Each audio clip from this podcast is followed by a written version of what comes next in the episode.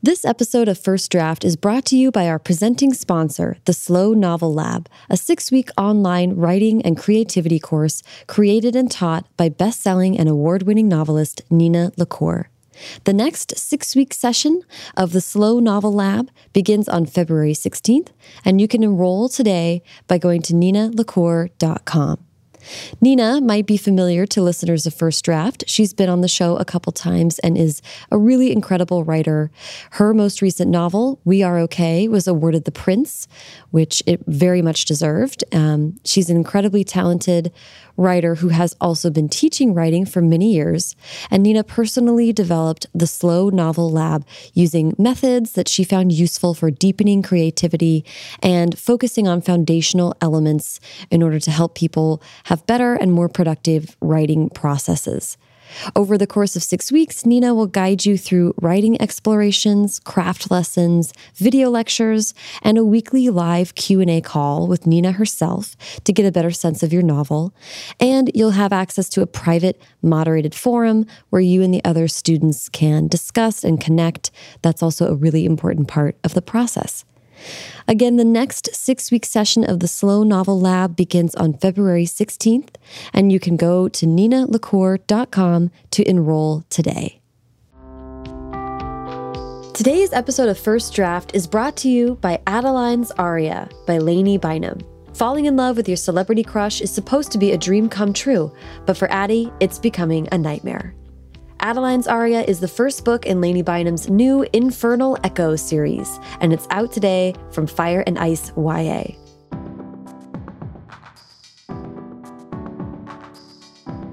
Welcome to First Draft with me, Sarah Enni. This week, I'm talking to Miranda Popkey, essayist and debut author of Topics of Conversation. I loved how Miranda was ready to get into her experience as an entry level editor in publishing and all that taught her about the industry, as well as her choice to get an MFA. Topics is about how women craft their own stories through conversation, to explain themselves to themselves, and to survive. So it felt appropriate to sit down and discuss Miranda's brilliant, smart, and emotionally rich debut novel. I hope you enjoy the conversation. Hi, Miranda. How are you? I'm good. How are you, Sarah? I'm doing well. I'm so excited to chat with you in person and get to talk about topics of conversation. I'm very excited to be here. Yes. You and I have chatted before because you are friends with Zan Romanoff. It's true. An esteemed author friend who is fabulous. Uh, and you helped me when I was writing Tell Me Everything because you are from Santa Cruz. That is true. Yes. yes. I, I think I warned you before that conversation that I was a, like a very particular kind of Santa Cruz resident in that I did not interact with Santa Cruz at all and mostly just stayed inside and read and like occasionally was like, I guess the ocean exists. Um, but Which yes, I, I, hope I was helpful to you. You were, you were. And uh, listen, Santa Cruz has all types of people, so that's fantastic. I don't think my main uh, character was, I don't know. She was, wasn't much of a surfer she was way. not much of a surfer. The the ocean was peripheral to her life as well. Yeah. So that was great. Um, because that is my first question mm -hmm. is mm-hmm. where were you born and raised? So Santa Cruz, was that it was all the way up through college? Yeah, up and up through high school until I went to college. I'd like to hear how reading and writing was part of growing up for you. Oh yeah. It is all I did. I was a pretty voracious and a pretty indiscriminate reader. Mm -hmm. Like I remember reading David McCullough's Truman biography. Wow. When I was like I don't know, eight or nine, just because my, my dad didn't have a lot of um, novels in the house, but he did have a lot of sort of massive books of nonfiction. That feels very dad book. Yeah. Yeah. I didn't realize later, like, how much of a trope that is. Like, dads have never uh, run across a book about World War II that they don't want to buy and read. I mean, that's how my dad was for sure. 100%. Oh, and there was also, um, he had a copy of either, no, it must have been Path to Power, which is the first LBJ book, mm-hmm. um, the first of the Caro biographies, which which are still ongoing. And I tried to read that, and that was a, that was truly above my reading level. That was the one that was like, mm, this is not. yeah. Um, That's so and a bit of foreshadowing though, because that is now like oh, I fucking, oh, I love the Caro books. Sorry, can I swear on this yeah, podcast? absolutely. Okay. I wish you would. Okay. um, I'll keep that in mind. But yeah, I was like, I was really into Nancy Drew. Mm-hmm. I was really into Agatha Christie the Poirots, not the Miss Marples. Mm. I like I read one Miss Marple and I was like, she didn't solve that mystery. She was just an old lady who was also in this hotel. What is go what? She's Angela Lansburying this. Yeah. Yeah. It's yeah, yeah, yeah. I didn't get it. Maybe I read the wrong one. I read a lot of Agatha Christie's. I loved mysteries. Mm-hmm. Although, like, I could never tell, and this is still true, I could never tell who did it ever. Really? Yeah. But was that part of the enduring appeal, do you think? That you were always like, Oh, yeah. I can imagine surprise? getting bored if you were able to figure out what was happening before the book was ready to reveal it to you. Yeah. Um, I find I that never that's, was. That's so. I I feel that way about movies. Mm. Uh, like I went to go see Knives Out recently, and even in like action movies where they're trying to, you know what? I, th- when there's an element of mystery, no part of my brain is trying to figure it out. I'm just like sitting back and along for the ride, which is like very relaxing. Yeah, it is. Yeah, even movies that do that sort of thing badly, where it's like, oh, of course, this turns out, and it's like, oh, I was, I was quite surprised. I love that. um, I also read Rebecca Wells has a whole series like Divine Secrets of the Ya-Ya Sisterhood, and then like a whole. I don't know why I got really into those books.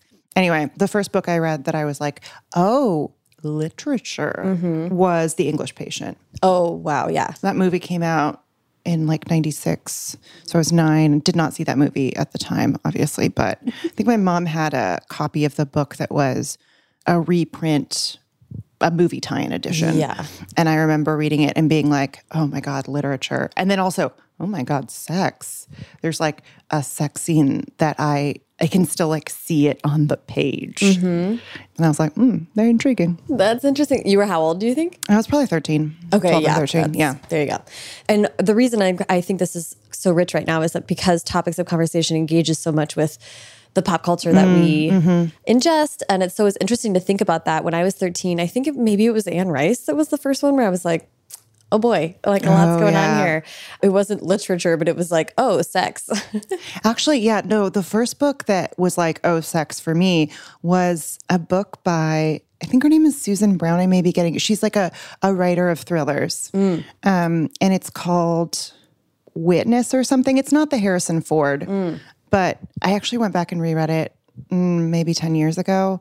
And the plot is so, so, so complicated. But basically, uh, a U.S. Marshal is transporting a woman across state lines. There's a car accident, and he loses his memory mm-hmm. and she decides to pretend that they're married. Wow. Because she doesn't want to be transported across state lines to like go testify in whatever trial. Anyway, but eventually things get sort of spicy. I think he like sees her shaving her legs and he's like, oh, hello. oh my God, that's hilarious. Um, and then obviously they have sex. And like the next morning he wakes up and is like, oh my God, I, I remember everything. Oh no. I love that. Um, and there's also a really amazing scene in that book where they eat um, a sausage biscuit. And I have been like searching for the sausage biscuit of my youth. It's like, it's yeah, it Proust's Madeleine, Yes. like like my sausage biscuit. Oh my god, I love that. That's that's amazing. Let's. I, I do want to talk about writing as well. When did you start writing? When was creative writing um, become a thing that you were doing? I absolutely had an interest in creative writing, but it was not something I found easy to do as soon as I became conscious of wanting to do it. So there was definitely a time when I was in elementary school when it was like fun to make up stories. There got to be a point maybe when I was around 11 or 12 when I became aware of the possibilities of books and I became aware of how far from the best like the best kind of book I was capable of writing as an 11 year old. Um, and because I'm a perfectionist and because I hate to do things that I'm bad at, it was really tough for me to do the thing that I think for a time did come naturally, which was make up stories because I was aware of them not being good enough. Yeah, I mean that's kind of heartbreaking. But obviously, I mean, I can relate to being a perfectionist and that kind of really making it difficult just to start something or to do the work you need to do to incrementally get better. I don't think that we're super great at telling young people to fail uh, aggressively. So you had this kind of early realization that you weren't going to be able to write Yeah. an Agatha Christie at 11. When did it kind of come back to you, or how did you develop a voice in writing in another way? So you're not given a lot of opportunities to practice creative writing within sort of standard educational system. So the way that my writing craft developed, mm-hmm. it was absolutely moving in the direction of nonfiction. Oh, okay. I learned how to structure an essay. I learned how to put together an argument. And then when I went to college, I started writing, you know, movie reviews for the like the Alt Weekly. Mm-hmm. And I actually became a managing editor there, and that was really fun. But I was not writing creatively. The only creative writing class I took in college was poetry, and I took an intro to poetry class to impress a boy. Oh my gosh. Yeah. Did it work? Yes, um, it sure did. This is my college boyfriend. We're still friends.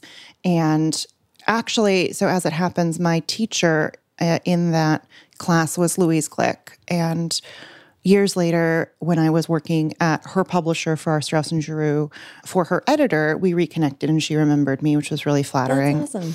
And she was the one who encouraged me to start writing fiction. I was sort of trying to figure out what the next thing would be. Yeah. I had gotten into publishing thinking, okay, well, I have this real passion for writing, mm-hmm.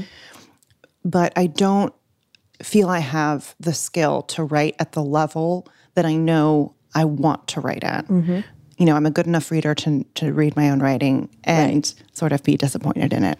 So I had been working in publishing for three or four years and it had become a little frustrating to not have a creative outlet and to be trying to sort of squeeze my my freelance writing in around the edges Right. while editing books that were going out into the world. So she encouraged me to to start writing fiction, and she she would like look at my look at my work. It was looking back on it. It's it's such an example of it's not luck. It's so clearly privilege. Like I went to an Ivy League school and I met a professor there who was, you know, a Pulitzer Prize winner. And she liked me enough to later read my work and help me put together an MFA packet. And that is just the kind of opportunity that not everyone gets. And I'm extremely aware of that, which makes it sort of sort of strange sometimes to talk about, but I think also important to talk about the ways in which the game is a little bit rigged. Hmm. When I was in my MFA program, I, having worked in publishing, had an understanding of the process by which you take a manuscript and turn it into a book. Yeah.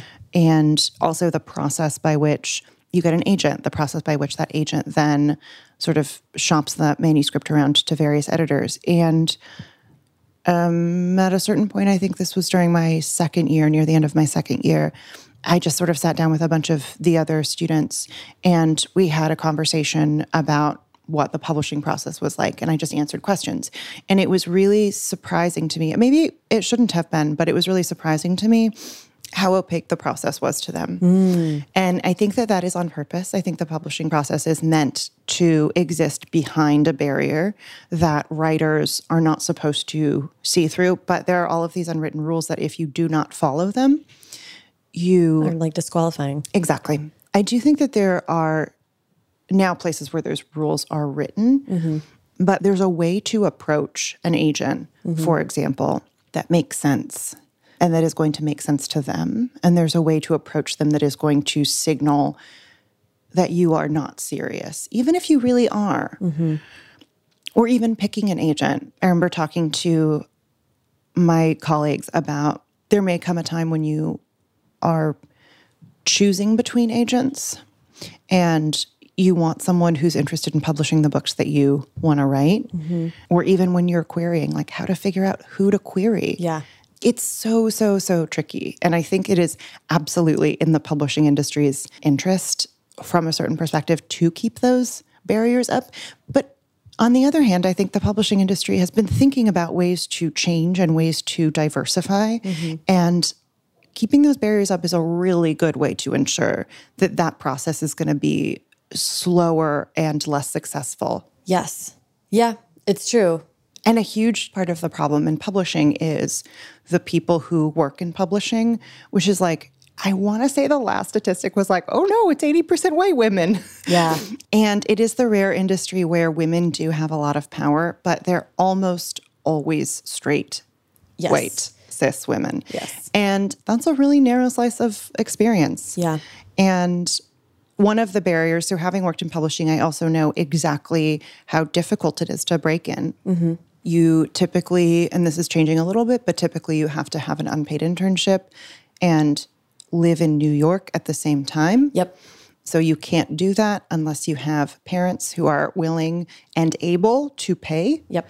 For your living expenses while that's happening. Again, that's changing a little bit. While I was at FSG, I was managing the internship program and we had started paying. Um, I had interned there between my junior and senior years of college, and I had not gotten paid.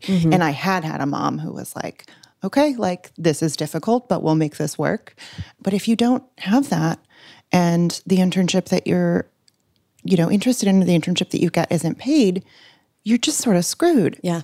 Then once you have that internship and you're able to move from that into a job, you're maybe going to move into a job where you're being paid $28,000 a year, which is what the level at which I was hired, which even in the year 2011 was not, Not enough, enough. to live on. I mean, I made it work. Um, and I was very proud of myself at the time that I wasn't taking any of my parents' money because I was also in very expensive therapy at the time because I was very depressed. My mom and I also had to work this scheme where I would borrow like $500 from her at the end of the month to cover my bills. And then as soon as I got paid, I would pay her back. But yeah, like without my mom being like, yes, I'll help you. I mean, it, you know, she knew she was going to get the money back, but she had to have those $500 at the end of every month to give me. Without that, I would not have been able to survive. Mm-hmm. And I remember, like, I remember having a really hard day at work and coming home and being like, what I really want to do is go to this like cute little bar that's a few blocks away and I want to get a burger and I want to have one glass of wine and like sort of like crying and trying to think like can I afford that extravagance? Which is it makes it makes me so sad that like that is and again like I was in a really privileged position already and and also that was the calculation I was making. Yeah. It's just it's it's so difficult if you are not from money. Yeah.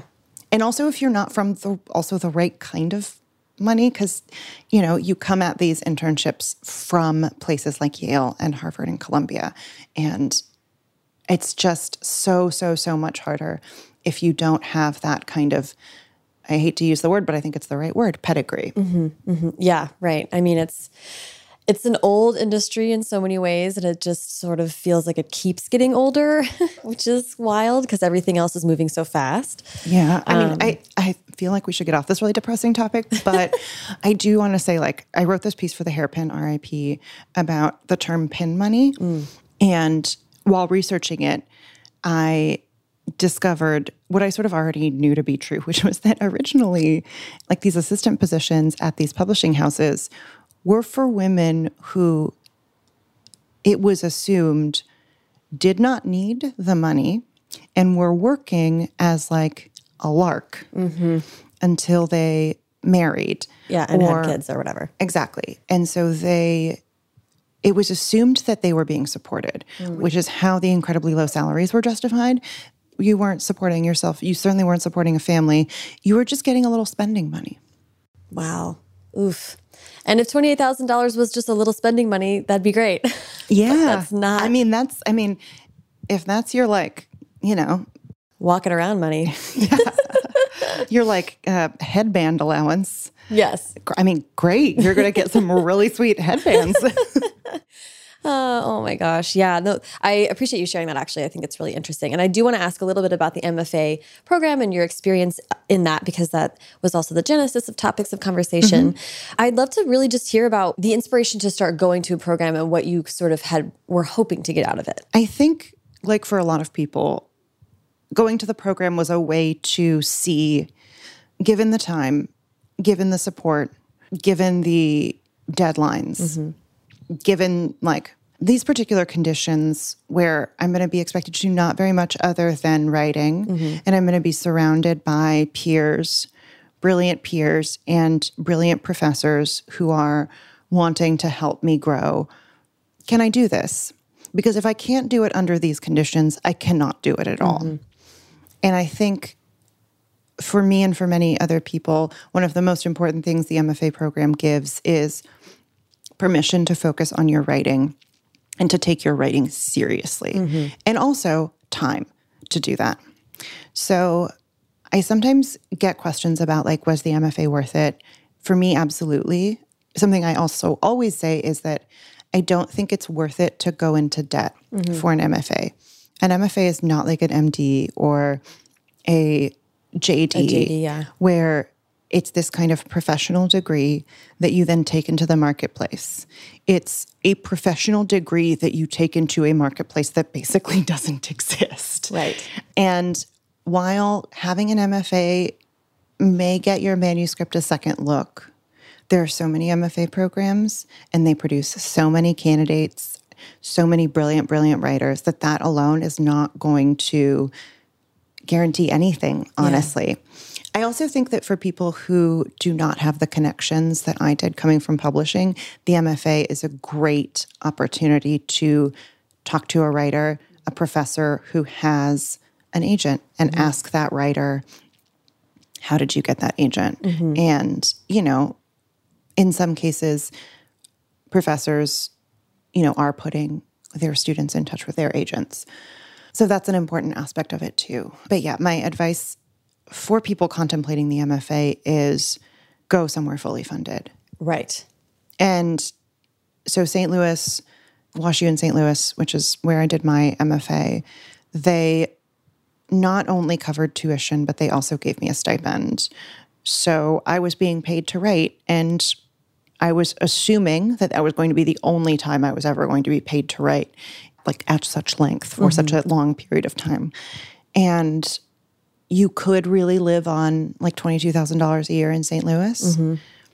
And that meant that I didn't really have to, I, I didn't have to work a second job.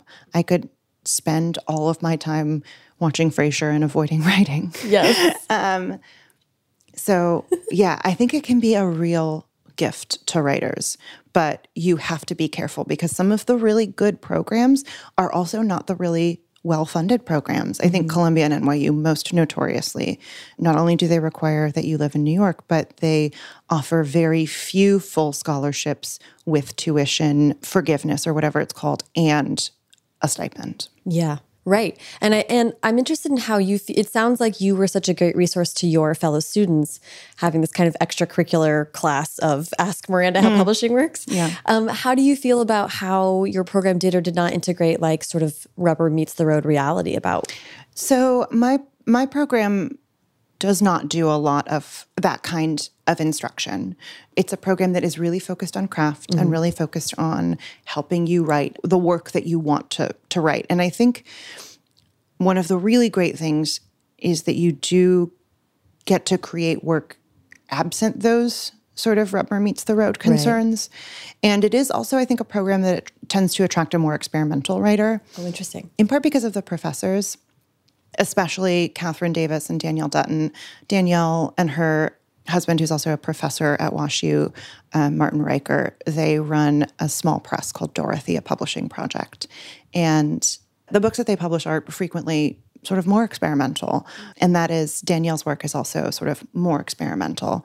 And Kathryn maybe writes what could look like more traditional novels, but she sort of reinvents the novel every time she writes one. She's amazing, um, as is Danielle. So, because of the, those professors, you tend to get students who are interested in doing like less commercial work. And so, I think that as a result, there's less of a feeling that people need to also learn about the publishing process. Right. Their publishing journey may also be untraditional. Yeah, I will say, uh, Kathryn invites her agent to come to WashU every two years and meet with all of the, all of the students who wish to meet with her, and that is a an interesting and illuminating process, I think, for many of the students. Although something that I told people who had not met with an agent before, and I had not met with an agent before either, but I did have, you know, I had met professionally with agents as an editor. Right. I very, you know, very much wanted to tell all of them like this particular agent is is just one person, you Right. know? And if she does like your work, that's great. If she doesn't like your work, that doesn't mean that you're never going to publish. Yeah, as you know, also as an editor, because Yeah. agents and editors are so specific in what they're interested in, Exactly. what projects they're going to move forward with. It is hard to not take that personally, but it's Yeah. not. there are programs that you can go to that I think are more publishing directed. Mm-hmm. I think a place like Iowa, in part because of its reputation, attracts so so so many agents who come and sort of look at look at people's work. Right. And and I'm sure that there are others. That's the, the sort of first one that came to mind. But yeah, my program was was much more focused on sort of yeah helping you write what it is that you wanted to write however like weird it was which is Yeah. also cool Well, I love that. And actually, that sort of leads me back to topics. Before we speak more specifically about topics of conversation, do you mind uh, pitching the book for us? oh um, yeah i think surely the easiest thing. yeah. um, let me see if I can still do this. Um, so, Topics of Conversation follows an unnamed female narrator from the age of about 21 to the age of about 38. And her story is told in vignettes, mostly conversations, mostly conversations with other women. And the things that they talk about are the things that I think women do talk to each other at the end of a long night over a bottle of wine um, sex, relationships, power, those kinds of encounters that fall in a gray area, um, the desires that you have but are sort of foreign to you, even though they feel natural, um, whatever natural means. So there is a plot trajectory that we can follow in terms of her development as a character. You know, obviously, a lot happens to her over the 17 years because this is not a plot based novel. I can say that, like, I don't think it's a spoiler to say that she is, you know, she gets married, she gets divorced, she has a child, and that that those are the sort of plot points of her life. Yeah. But I think if you're someone who is going to like the book, what you're also going to be attracted to are these sort of digressions, these Yeah. conversations that the narrator has with women of various ages at various stages in their lives. They're sort of snapshot moments Mm-hmm. um, as you like glean how she's moved through her life, which I think is such an interesting way of world building as well. Like Mm. you're following her and the little bits that she shares about her life and and her reflections. You're like, oh, this is like how she's progressed, and these are not only things that have happened to her, but how she's dealing with them or Mm. processing them, uh, which was so interesting. I'm so pleased that this episode of First Draft is being brought to you by the Slow Novel Lab. It's a six week online writing and creativity class that is created and taught by Nina LaCour, bestselling author and Printz Award winning novelist, whose most recent book, We Are Okay, really knocked my socks off. Um, I love that book so much. The next six week session of the Slow Novel Lab begins on February 16th, and you can enroll today by going to ninalacour.com. The Slow Novel Lab is for writers at all stages of the process. You can join with the faintest hint of a novel idea, or a few thousand words written, or an entire first draft that just isn't quite there. The course is designed to be tailored for exactly where you are at. Over six weeks, Nina will guide you through writing explorations, craft lessons, video lectures, and a weekly live Q&A with Nina herself. A private moderated forum will connect you with your fellow writers, and the weekly calls focus on what you want to know, and the lessons and video lectures are yours to keep. Nina is an incredible writer, and she's been teaching the craft for many years. She developed the Slow Novel Lab as a direct counterpoint to all the many programs out there that emphasize speed and word count over process and exploration. Because Nina believes, and I agree, that by taking time to conceptualize and develop the foundational elements of your novel, the characters, pivotal scenes, setting, and timeline, you end up more ready to draft with intention and direction, and that leads to increased productivity. Um, it's kind of like putting the cart and the horse in their correct places. You really explore deeply what it is you want to say, and then writing kind of the flow comes more naturally. I think Nina's a genius, and I really, really encourage you to look at this course if you kind of are looking for help or maybe a different way of looking at your writing or connecting to your creative voice. I read the welcoming packet, and I think even just reading the welcoming packet uh, made me feel better as a writer. So I can only imagine six weeks of Nina's really thoughtful guidance. The next six week session of the Slow Novel Lab begins on February 16th, and you can enroll today by going to ninalacour.com. So there's a lot that I want to break down about the structure of it. Last night at Book Soup, uh, your LA event, you were talking a little bit about the constraints mm-hmm. of sticking to a conversation and how that actually unlocked the book for you. Do you mind talking a little bit about that? Yeah, I was when I began writing this having a really hard time figuring out how to plot and not even a novel, but even just a short story. The way that I think writers are taught to sort of set up events that will sort of pay off later. That's a, truly that's a skill I wish I had, but I, I don't. And I, I wonder in part if that's because I allowed myself to start writing fiction sort of late. Mm. And if that's a skill I would have developed if I had been writing more consistently mm. and taking creative writing classes over the course of my life. But it's a skill I currently don't have still. And I was, as a result, having a lot of trouble writing pieces for workshop. Mm-hmm. I would try and figure out a way to introduce themes that I was interested in, in writing about, but I couldn't graph them onto a plot. Right. And on the other hand, I think I find it pretty easy to illustrate a point in conversation by telling a story. Mm-hmm. And I don't know at what point those two things sort of clicked for me. I'm sure at the back of my mind was Rachel Cusk's Outline trilogy, Outline, Transit, and Kudos. Those novels are all written sort of as conversations. I think they're fundamentally sort of more experimental than my novel because you learn so, so, so little right. about Cusk's narrator. But reading Outline in, I think, the fall of 2014 opened up a space of just gigantic possibility. It was very exciting. Yeah. And I think once I realized that I wasn't going to be able to write a traditional short story or a traditional novel, mm-hmm. and I had this voice and I had these things I wanted that voice to talk about. Mm-hmm.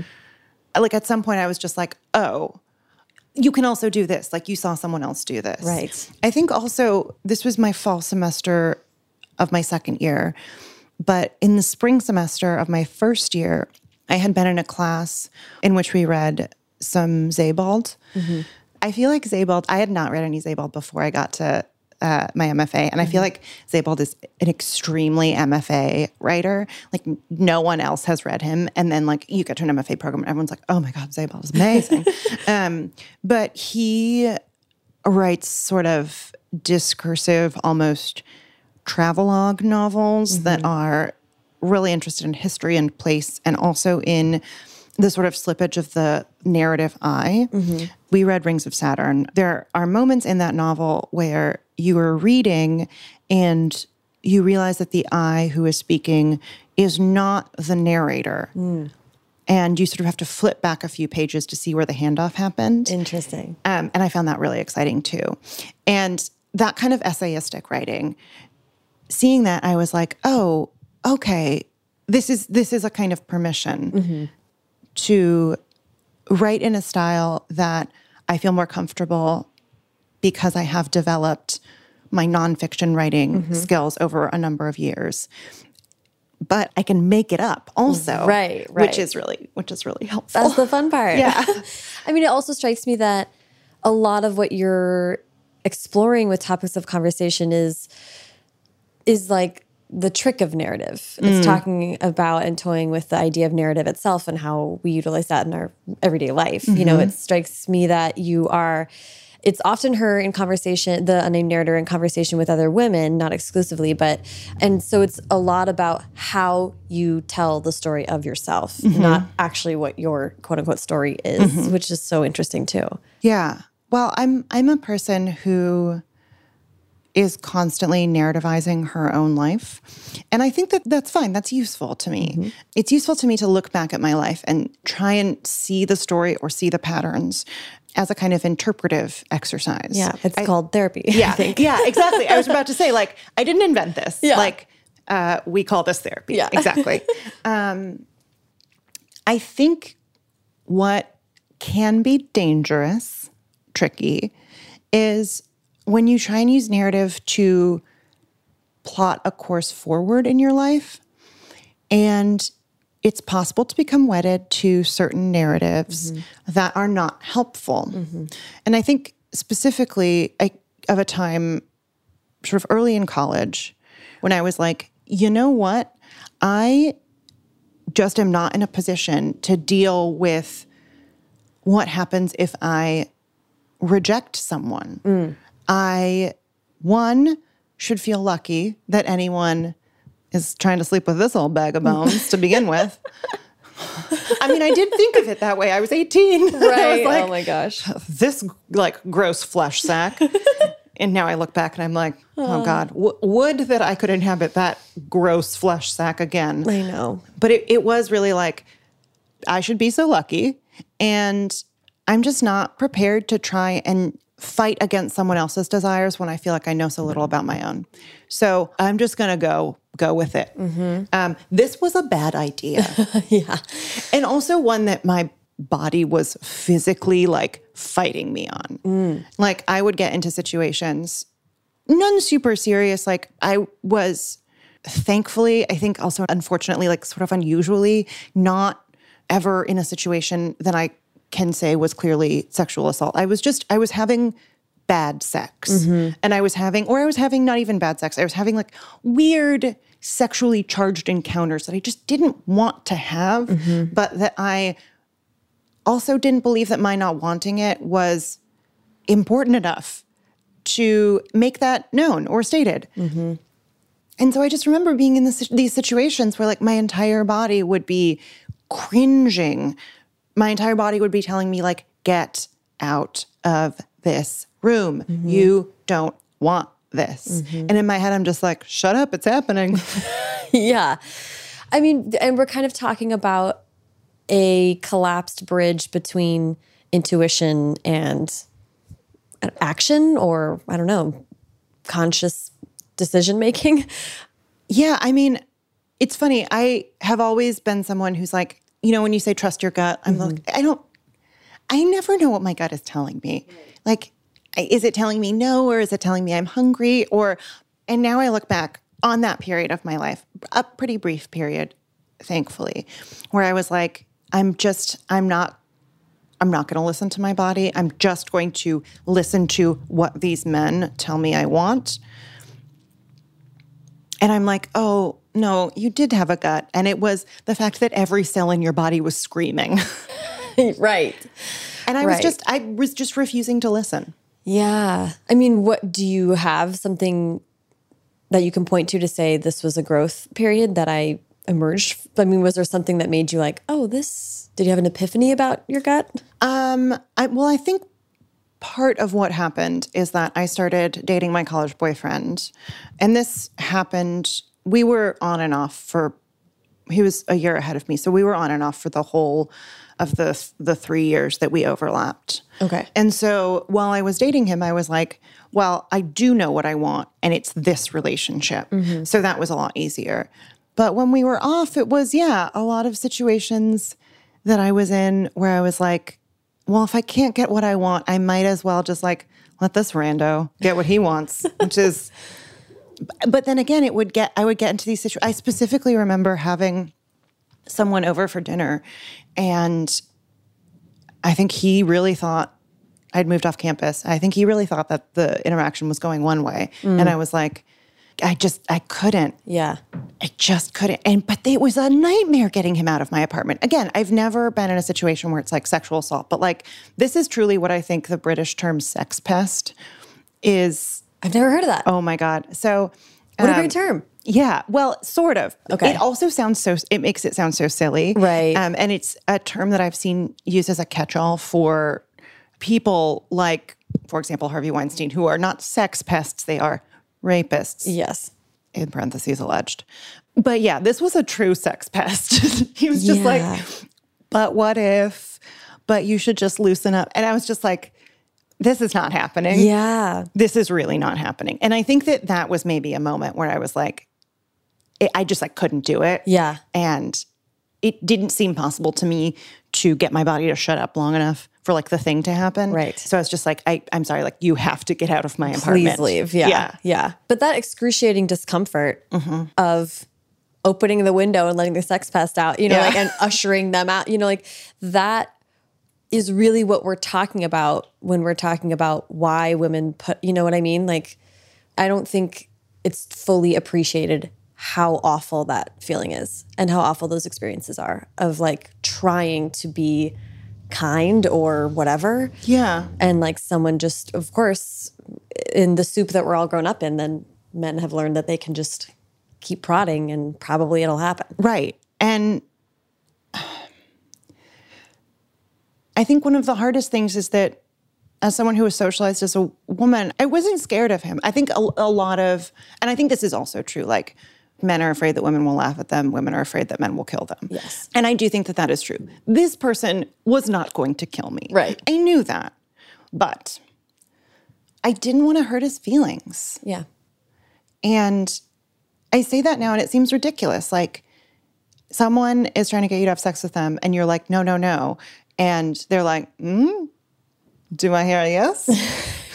um, and you're worried about hurting their feelings when they're li- literally not listening to the feeling that you are expressing out loud. Yep. But yeah, like if you're socialized as a woman and if you like take to that socialization like a little duck takes to water like I did, then you're like, I could never, Yeah. I, cou- I couldn't possibly hurt this man's feelings yeah because I don't want him to leave this room feeling ashamed of his behavior, even though, you know, dude, you probably should. yeah.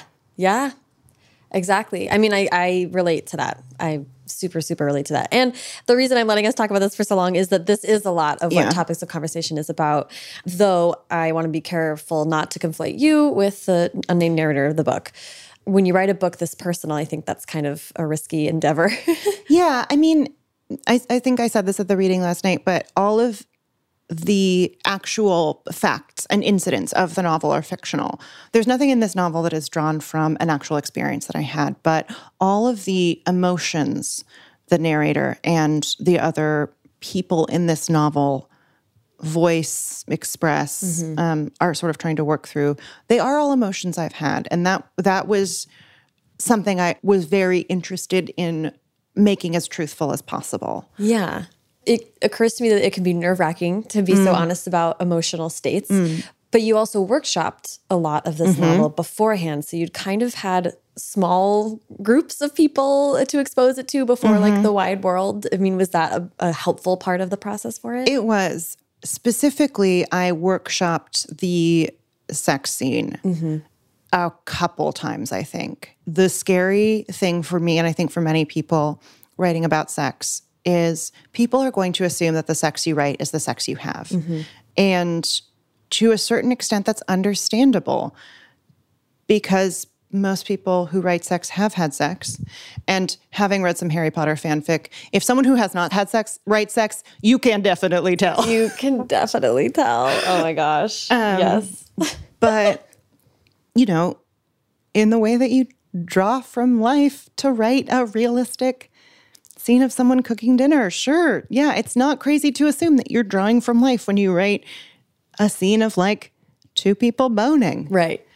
but yeah and there's there's a, yeah there's a fear of like revealing yourself Absolutely. so i had a very particular vision for how this sex scene was going to make the narrator feel and was going to make the reader feel and i mm-hmm. wanted some questions to come up and it was really important to me that i write the scene in such a way that a variety of readers would be getting that from the scene and it wasn't just what i thought Right. would produce a certain effect. Yeah, I mean that's the point of workshop, right? Right. Is to be able to And um, I've only taken a couple, and, and I think this is probably usually how it works, but you sort of have to sit there quietly. Yeah, that is like the classic workshop model Yeah. is the author doesn't speak. And the everyone around the table takes turns being like, well, this is what it's about. And you're like, ah.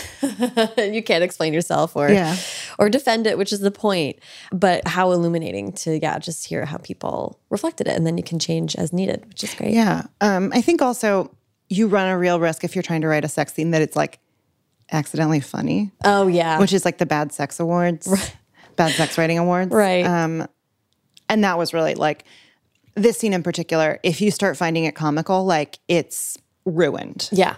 So I was very lucky to be in a program where I had many intelligent readers and also like a di- I will give Washu credit like a diversity of readers. Um, like yeah, there were a bunch of white ladies, but I mean me very much included. um, but there were also like people of color in that room and people who are not straight in that room and I was I was really grateful to like be given the opportunity to share this with people who I knew for a fact were going to come at this particular sexual experience with a different set of their own experiences. Yeah. Yeah.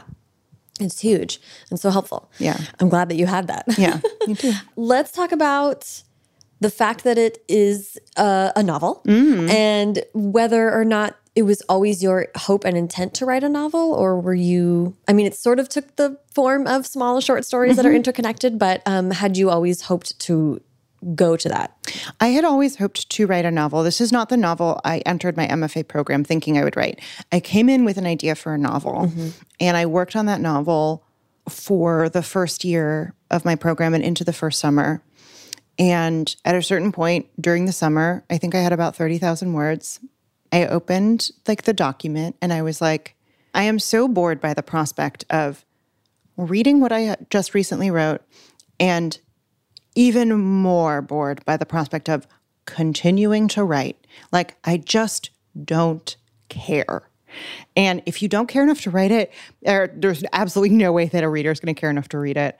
So I was like, goodbye. Like, there's a morning I opened that document and I closed it and I haven't touched it since. Wow. Yeah. Real go with God. Like, yeah. I mean, I think that there's stuff in there that I'm going to want to cannibalize. I think the idea that I had for the sort of arc of the novel is still an interesting one.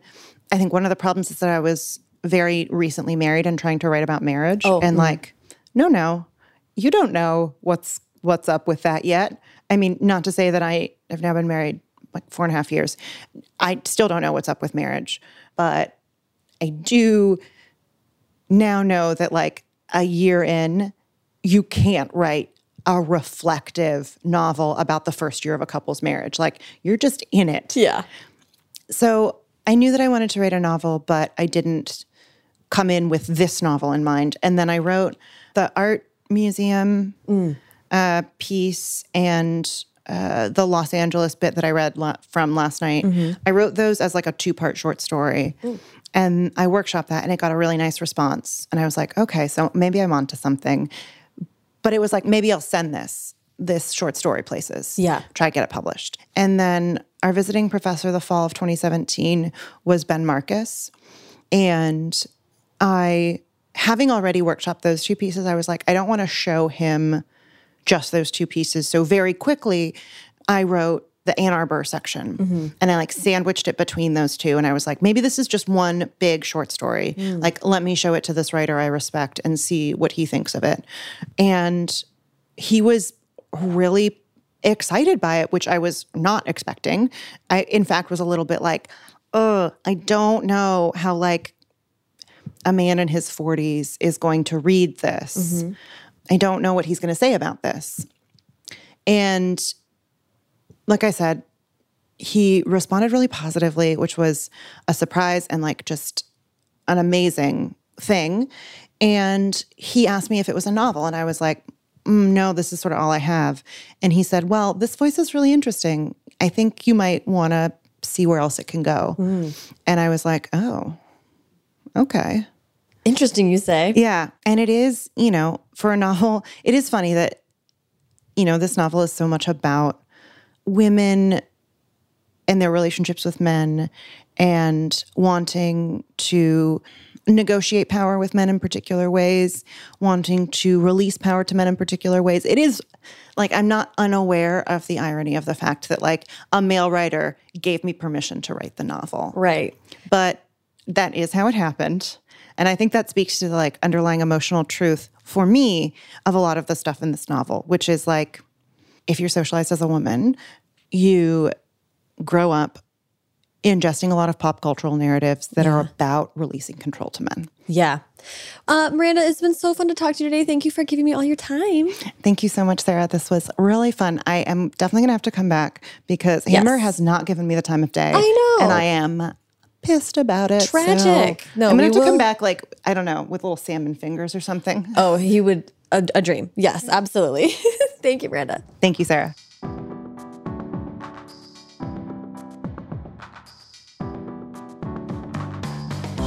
Thank you so much to Miranda. Follow her on Twitter at MMPopkey and follow me on both Twitter and Instagram at Sarah Enni and the show at First Draft Pod.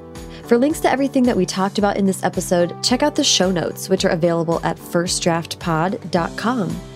Uh, a really easy way to support the podcast, if you're interested in that kind of a thing, is go check out the show notes. If you're interested in a book or maybe a TV show or a movie that we mention in an episode, there's a link to it on the website. If you click that link when you buy something, a portion of the proceeds will go back to First Draft and it'll help keep the podcast free. It's kind of a quick and easy way you can support the show. An even quicker and easier way to support the show is to subscribe to the podcast. Uh, however, you're listening to it right now, you can hit that subscribe button. And if you have a couple minutes, you can click over to iTunes and leave a rating or review there, which is enormously helpful. I'm going to read a recent five star review. This review is left by Starry YJH.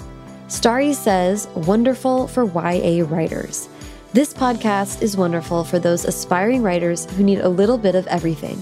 Sarah Enni is phenomenal at asking the right questions with the right authors. There are little nuggets of wisdom in each episode. There's hope, encouragement, and suggestions for what you should do to bring your work to the next level.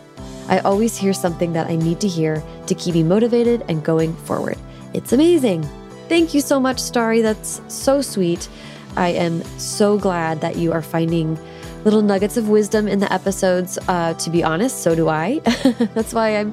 That's why I keep doing this. I love what everybody has to say, and, and it's so heartening to hear from a listener that you're getting a lot of great stuff from it. So thank you so much. Your review could be, you know, the one that pushes us over the edge, and some random dude at Apple will put us on the front page of iTunes. Who knows? I want to hear from you as well. If you have any questions about writing or creativity or anything like that, you can call and leave that question at the voicemail box 818 533 1998. And uh, I'll get to it in a future episode. And I really have loved the questions I've gotten so far. So please keep sending those. Our producer is Haley Hirschman, and this episode was edited and sound designed by Callie Wright. The theme music is by Dan Bailey, and the logo was designed by Colin Keith. Thanks to production assistant Tasneem Daoud and transcriptionist at large Julie Anderson. And as ever, thanks to you, big headband spenders, for listening.